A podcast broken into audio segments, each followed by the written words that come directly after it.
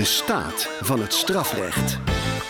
Met Jacco Jansen en Margje van Weerden. Strafrechtelijke actualiteiten in klare taal. Welkom bij de tweede aflevering alweer van de Staat van het Strafrecht. De rechtspraakpodcast over actuele ontwikkelingen in het strafrecht. Elke maand komen we bij elkaar om te praten over het strafrecht. En u mag meeluisteren. Het thema van vandaag is de voorlopige hechtenis. En dat we dat in Nederland misschien niet helemaal goed doen. Of misschien wel helemaal niet goed. Wij zijn Margje van Weerden en Jacco Jansen. En luisteraars vroegen ons om wat meer over onszelf te vertellen. Nou, begin jij maar, Margje. Nou, ehm, ik ben wetgevingsadviseur bij de Raad voor de Rechtspraak. En te vroegen de luisteraars dus, wat doet een wetgevingsadviseur?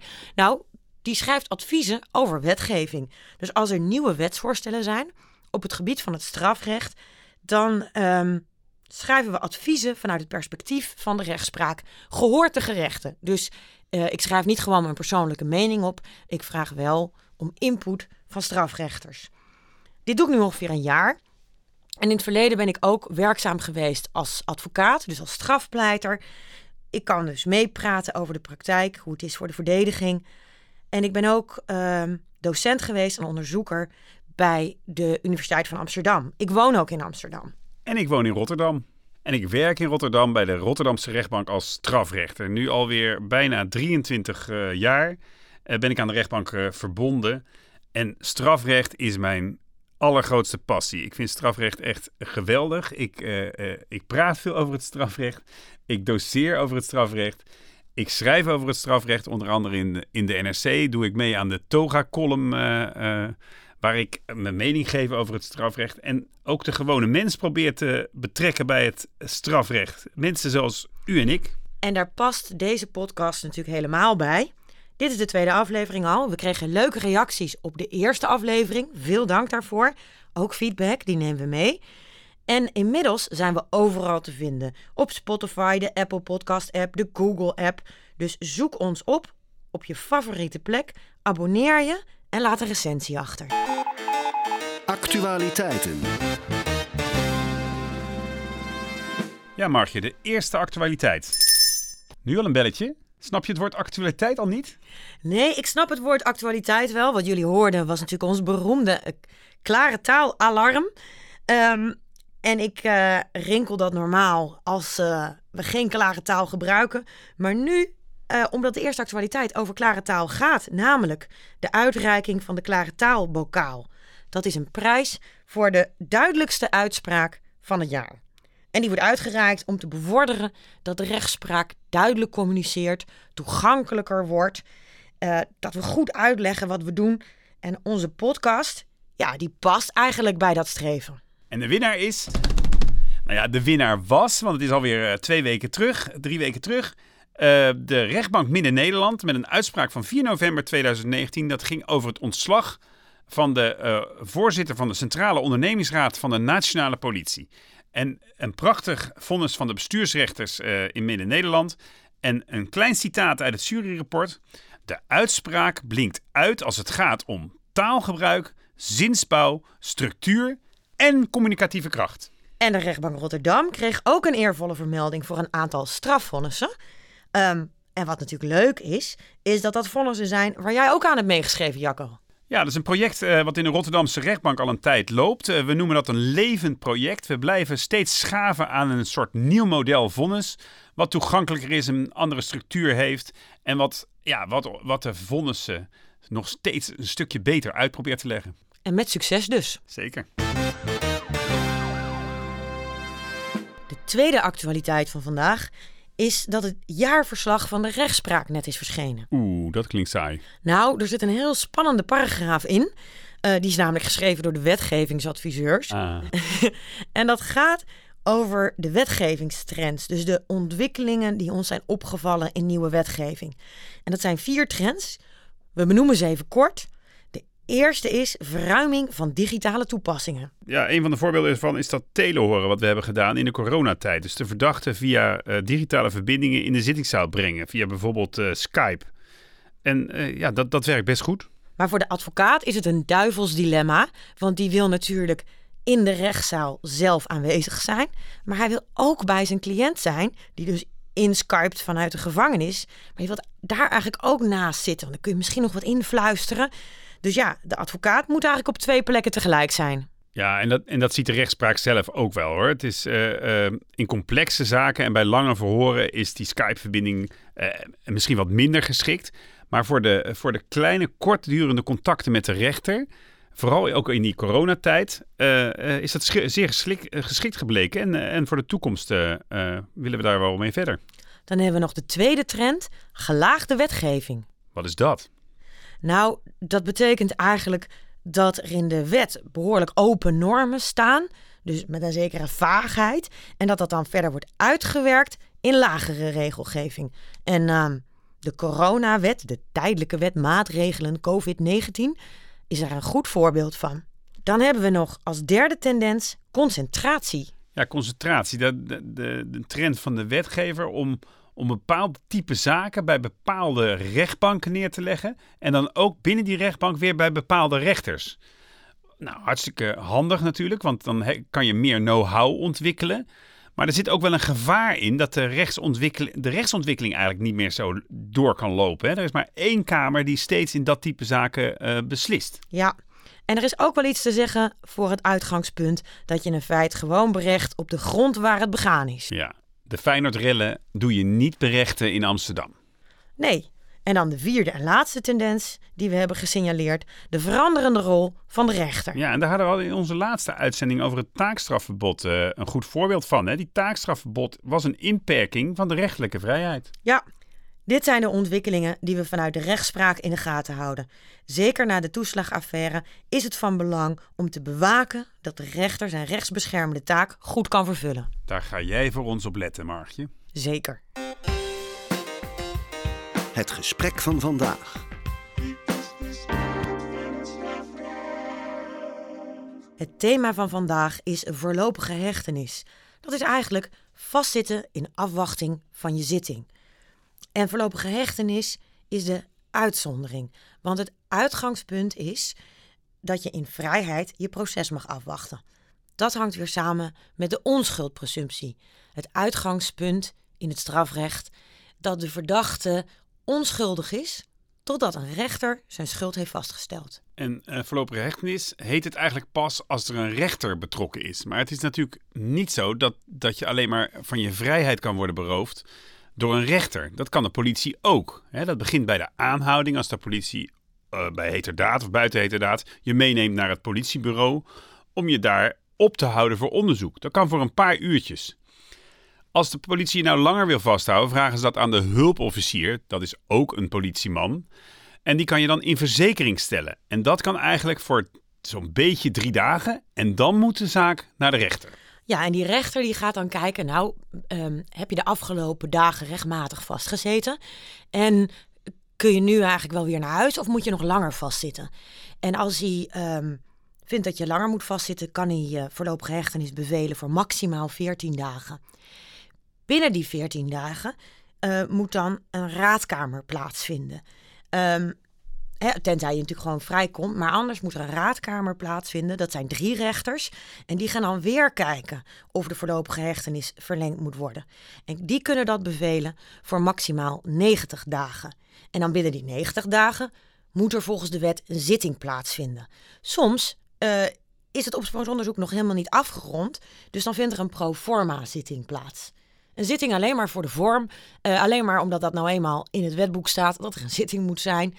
Um, maar dan wordt ook op die zitting weer de voorlopige hechtenis verlengd. Weer voor maximaal 90 dagen. Dus zo kan het steeds drie maanden verlengd worden door een rechter. Ja, en waar, waar kijkt zo'n rechter dan naar? Nou, in, in de eerste plaats kijkt de rechter: is het strafbare feit een geval? Een geval voorlopige, voor voorlopige hechtenis. Nou, de meeste misdrijven in ons wetboek van strafrecht zijn zo'n geval. De overtredingen in het wetboek, de lichte, de lichte strafbare feiten niet. Dus luisteraars, maak je niet heel erg ongerust over je coronafeiten. Daarvoor, um, dat zijn bijna allemaal overtredingen, dus daarvoor kunnen ze je niet in voorlopige hechtenis zetten. Nee. En als er dan zo'n geval is, dan uh, moet er ook nog sprake zijn van ernstige bezwaren. Een behoorlijke verdenking. Een redelijke verdenking is niet genoeg. En bewijs hoeft er nog niet te zijn. Ernstig bezwaren, een stevige verdenking. En daarnaast zijn er nog gronden nodig. Ja, dus naast dat uh, bijna bewijs heb je ook nog, uh, ja, moet er een reden zijn waarom je niet thuis op je zitting mag wachten. Laten we eens even kijken naar de vier belangrijkste. Ja, de, de allereerste noemen we de 12-jaarsgrond. 12-jaarsgrond, het woord zegt het al, dat is voor ernstige strafbare feiten. Strafbare feiten waar 12 jaar gevangenisstraf of meer op staat. Als daarvan sprake is en er is ook nog sprake van een geschokte rechtsorde, dat de buitenwereld denkt: hier is echt wat aan de hand, dan mag de rechter alleen op die grond al iemand vastzetten. En daarnaast is er ook nog de recidieve grond. Over dat begrip recidive hadden we het de vorige aflevering al. Um, het gaat eigenlijk om de vraag of er een groot risico is dat iemand opnieuw de fout ingaat, opnieuw een strafbaar feit pleegt als je hem vrij zou laten. Als dat zo is, is dat een reden voor voorlopige hechtenis. Ja, en een derde reden is dat als het onderzoek nog loopt, dan zou de verdachte dat onderzoek kunnen frustreren, eh, kunnen uh, storen.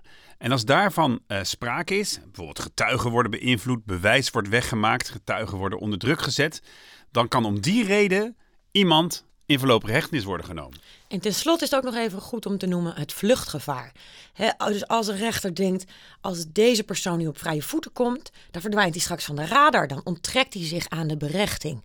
En vluchtgevaar wordt niet uh, altijd aangenomen als je in het buitenland woont. Zo makkelijk is het niet. Zeker een adres in de EU. binnen de EU wordt heel veel samengewerkt. Dus het is niet zo dat als je in Frankrijk woont dat er al vluggevaar is. Maar wel als er gewoon redenen zijn om te denken: deze persoon verdwijnt straks. En kunnen we dan, als er eenmaal een zitting is, nooit meer terugvinden. Dat um, is ook een grond voor voorlopige hechtenis. Ja, en als daar dan allemaal sprake van er is, er is een geval, er, is een, er zijn ernstige bezwaren, er is een grond om iemand vast te zetten of er zijn meer gronden, dan kan de rechter voorlopige hechtenis opleggen. Maar dat hoeft hij niet. Wij noemen dat een discretionaire bevoegdheid. De rechter heeft ruimte om het wel of om het niet te doen. En daarbij moet hij dan ook nog rekening houden met de te verwachten straf. Dus niet zozeer de maximumstraf die op dit feit staat, maar meer de vraag: stel dat deze persoon straks schuldig wordt bevonden, wat voor straf is dan logisch? Wat leggen we hier normaal gesproken voor op? En als je denkt, nou, hiervoor zou je ongeveer uh, drie weken gevangenisstraf geven in deze omstandigheden. Ja, dan kan je natuurlijk niet iemand drie maanden in voorarrest houden. Want dan gaat hij veel langer zitten dan hij straks opgelegd krijgt. En hierbij is natuurlijk ook weer van belang dat taakstrafverbod dat we vorige keer bespraken. Want als er voor een strafbaar feit een verbod bestaat om er een taakstraf voor op te leggen, dan verwacht je dus gevangenisstraf. En kun je iemand ook makkelijker in voorarrest houden. Ja, en als de rechter dan iemand vastzet in voorlopige hechtenis, dan kan hij ook beslissen daarbij om die voorlopige hechtenis meteen weer te schorsen, te onderbreken. En aan die onderbreking kan hij dan allerlei voorwaarden verbinden. De voorwaarden om contact op te nemen met de reclassering, om je daardoor te laten begeleiden, een contactverbod met de aangever of een contactverbod met de getuige, of misschien een locatieverbod om ergens te komen. Je kan het eigenlijk zo gek niet bedenken of de rechter kan die voorwaarden wel koppelen aan een schorsing van de voorlopige hechtenis. Eigenlijk is dat een prachtig systeem, want het biedt dus de mogelijkheid voor de rechter om alternatieven te zoeken voor die voorlopige hechtenis. Ja, en Margje, dat is ook juist de bedoeling. Alternatieven zoeken voor de voorlopige hechtenis. En als er echt geen alternatieven zijn, dan de voorlopige hechtenis opleggen. Ja, en wat is nou de aanleiding om het vandaag hierover te hebben? Wat is de aanleiding om het over voorlopige hechtenis te hebben? Nou, die aanleiding ligt eigenlijk in Europa. Het Europese Hof voor de Rechten van de Mens in Straatsburg. Het Europese Hof voor de Mens, Rechten van de Mens in Straatsburg. Waar je kan klagen als burger over schending van mensenrechten door staten. Uh, die heeft drie arresten gewezen in februari van dit jaar. Drie arresten in drie verschillende zaken, dus drie uitspraken van Zoland, Maassen en Hesselbank tegen Nederland, waarbij Nederland is veroordeeld omdat wij in Nederland de voorlopige hechtenis niet goed doen. En wat doen we dan precies niet goed? Nou, het Europees Hof zegt, um, in elk geval waren de beslissingen onvoldoende gemotiveerd. En dat is een schending van artikel 5 van het Europees Verdrag voor de Rechten van de Mens. Dat gaat over het recht op vrijheid. Um, En eh, wat hadden ze verkeerd gedaan? Nou, bijvoorbeeld zegt het Europees Hof, kun je niet gewoon verwijzen naar een eerdere beslissing van een andere rechter. Van nou, die eerdere rechter die vond, uh, die vond dat er ernstige bezwaren waren gronden. Ik sluit me daarbij aan. Um, je kunt ook niet werken met een standaard tekstblokje of een standaard formulier. En wat ook belangrijk is, is dat hoe langer de voorlopige hechtenis voortduurt, hoe strenger een rechter moet toetsen. En hoe duidelijker hij moet motiveren waarom die ernstige bezwaren er nog steeds bestaan. En waarom er ook nog steeds een reden is, een grond, een reden is waarom je niet thuis op de zitting kan wachten. En dat motiveren mag niet in abstracte termen, maar dat moet toegesneden op deze concrete zaak. Ja, en waarom is dat motiveren nou zo belangrijk?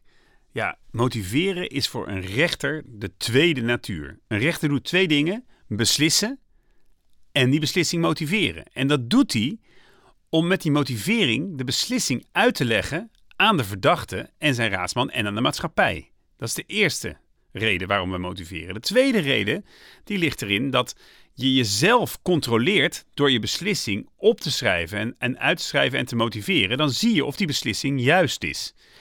En is er nog een derde reden van motiveren? Wij stellen ons met die motivering kwetsbaar op. Je kunt als hogere rechter onze beslissing bekijken en toetsen, omdat wij die beslissing goed hebben gemotiveerd.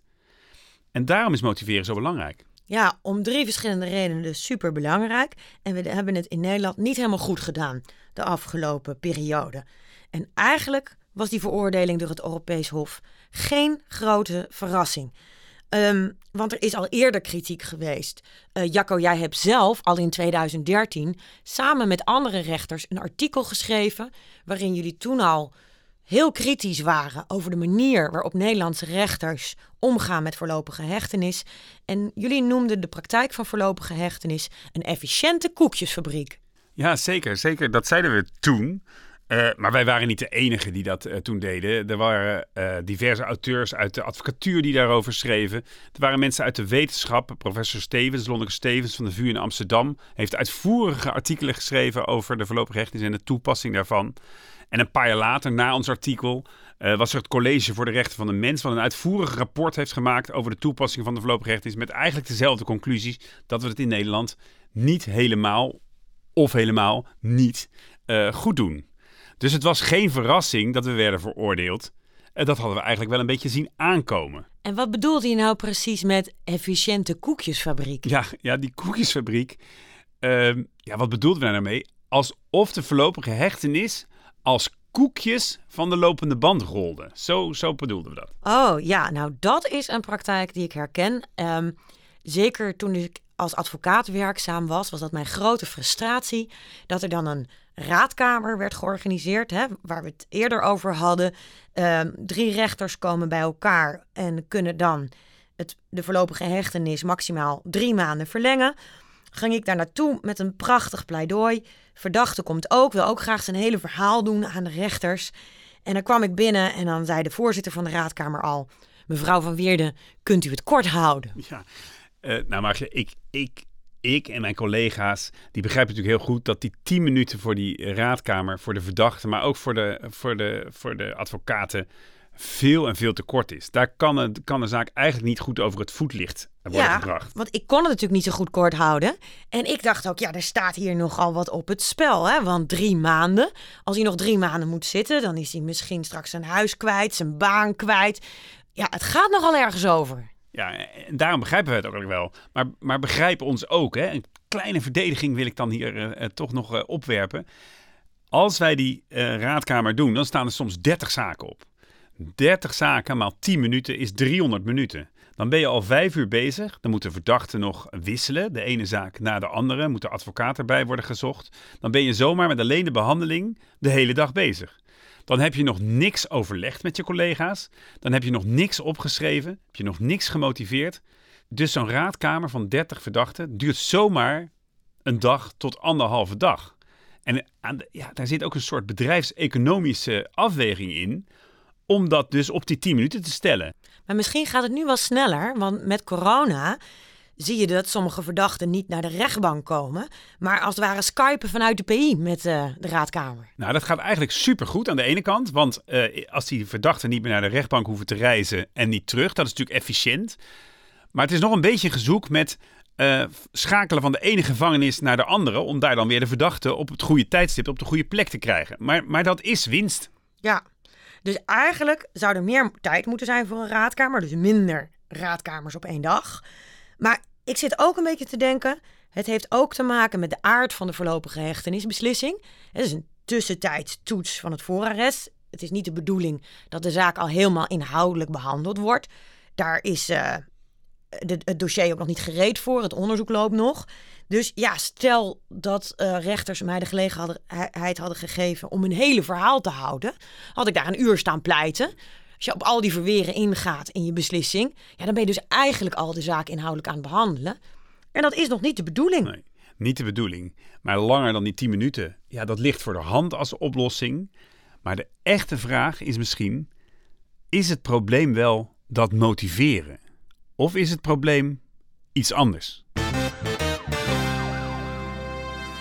Nou, Jacco, dat is een cliffhanger. Maar misschien heb je wel gelijk. Dat hoor ik graag. Ja, maar um, het echte probleem is dus waarschijnlijk dat er te veel voorlopige hechtenis wordt toegepast in Nederland. En dat heeft ook een beetje te maken met de manier waarop het systeem is opgetuigd.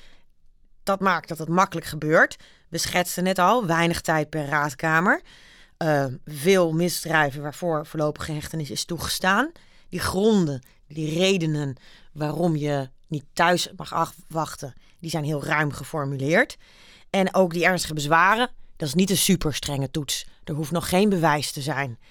Um, en wat ook meespeelt, denk ik, we hebben het alles gehad over dat er eigenlijk een trend is in Nederland tot verharding, nadruk op repressie, vermijding van maatschappelijke risico's. En dat, ja, ik noem het wel veiligheidsdenken, zijpelt natuurlijk ook door de rechtspraak in. Dus dat zou ertoe kunnen leiden dat een rechter die twijfelt eerder geneigd is om iemand in voorarrest te houden om risico's voor de maatschappij te voorkomen.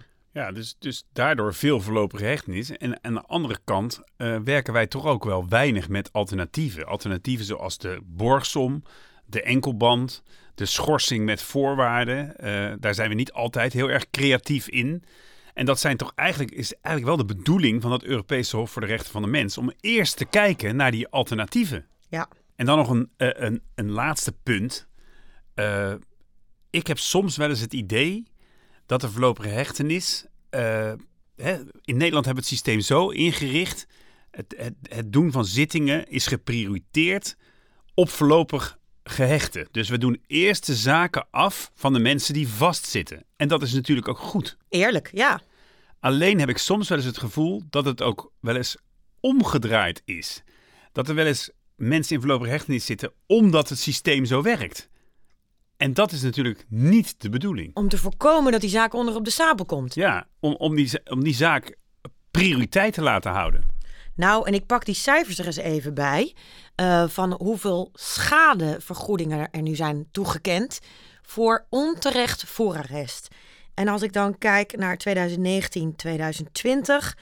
Uh, nou, zo'n ruim 4.500 schadevergoedingen per jaar toegekend. Dat heeft in 2019 zo'n 6 miljoen euro gekost. 2020 5,5 miljoen. Nou, dat is toch best veel. Ja, zeker. En als je daarbij bedenkt dat dat nog niet alles is. Want je krijgt uh, pas geld als je van de hele telastenlegging bent vrijgesproken. Dus als je voor één feitje nog wordt veroordeeld, kan je zo'n verzoek niet doen. En ook nog is hier ook weer, wat we als eerder noemden, zo'n discretionaire bevoegdheid van de rechter. Hè? Hij kan het toekennen, het hoeft niet. Nee, als de verdachte een beetje zelf ook nog uh, verantwoordelijk is voor die voorlopige hechtenis, doordat hij eigenlijk eh, niks heeft gezegd of de, daardoor de voorlopige hechtenis langer heeft laten voortduren dan nodig, dan krijgt hij ook nog eens niks. En als je dus wel wat kreeg, dan kreeg je ongeveer 80 euro per dag. Ietsje meer voor die eerste drie dagen in de politiecel, zo'n 105 euro. Maar, uh, en inmiddels is het weer iets verhoogd. Maar eigenlijk gaat het natuurlijk niet om het belastinggeld dat dit allemaal kost, maar om het feit dat deze bedragen aantonen dat vrijheden van burgers onnodig zijn beperkt. Ja, onnodig vrijheden beperken. Dat is de kern van waar we het vandaag over uh, hadden. En de conclusie En de oplossing is eigenlijk A. Minder voorlopige hechtenis opleggen. B. Meer schorsen. Dus schorsen tenzij in plaats van vastzetten tenzij. Zoals in het jeugdstrafrecht. Ja, zoals het in het jeugdstrafrecht wordt toegepast. En als iemand dan vast uh, moet komen te zitten, toch, dan moet er meer tijd komen voor die raadkamer. En dan moeten we beter motiveren. De vraag van de luisteraar. We hebben vragen ontvangen van luisteraars. En onze luisteraar Claudia heeft ons gevraagd: hoeveel strafrechters zijn er eigenlijk in Nederland? Ja, en voordat we naartoe komen aan die vraag over dat strafrecht, is het misschien ook wel leuk om te vertellen en daarmee te beginnen hoeveel rechters nou in totaal zijn in Nederland. Nou, in Nederland hebben we ruim 2500 rechters en daarvan zijn er 1500 vrouw en zo'n 1000 man. Het gaat goed met de emancipatie in de rechtspraak. Zeker. En, en die rechters die zijn dan onderverdeeld over verschillende sectoren in de rechtbanken en in de hoven. De sectoren civielrecht, bestuursrecht en strafrecht. En binnen civiel heb je dan weer een aantal subcategorieën, zoals het familierecht en het handelsrecht. Ja, je hebt ongeveer een vijfde van de rechters is strafrechter. Um, als ik kijk naar de cijfers van 2018, toen was er uh, 500 FTE strafrechters. Nou, niet iedereen werkt fulltime, dus het zijn natuurlijk eigenlijk meer mensen dan 500. Um, en misschien is het ook interessant te zeggen wat voor soorten strafrechters er dan zijn, of wat voor soorten rechters. Bij de rechtbanken noemen we ze rechters. Bij het Hof zeggen we raadsheer. Dus ook tegen de vrouwen, die noemen we ook raadsheer. En uh, bij de Hoge Raad zitten ook raadsheren.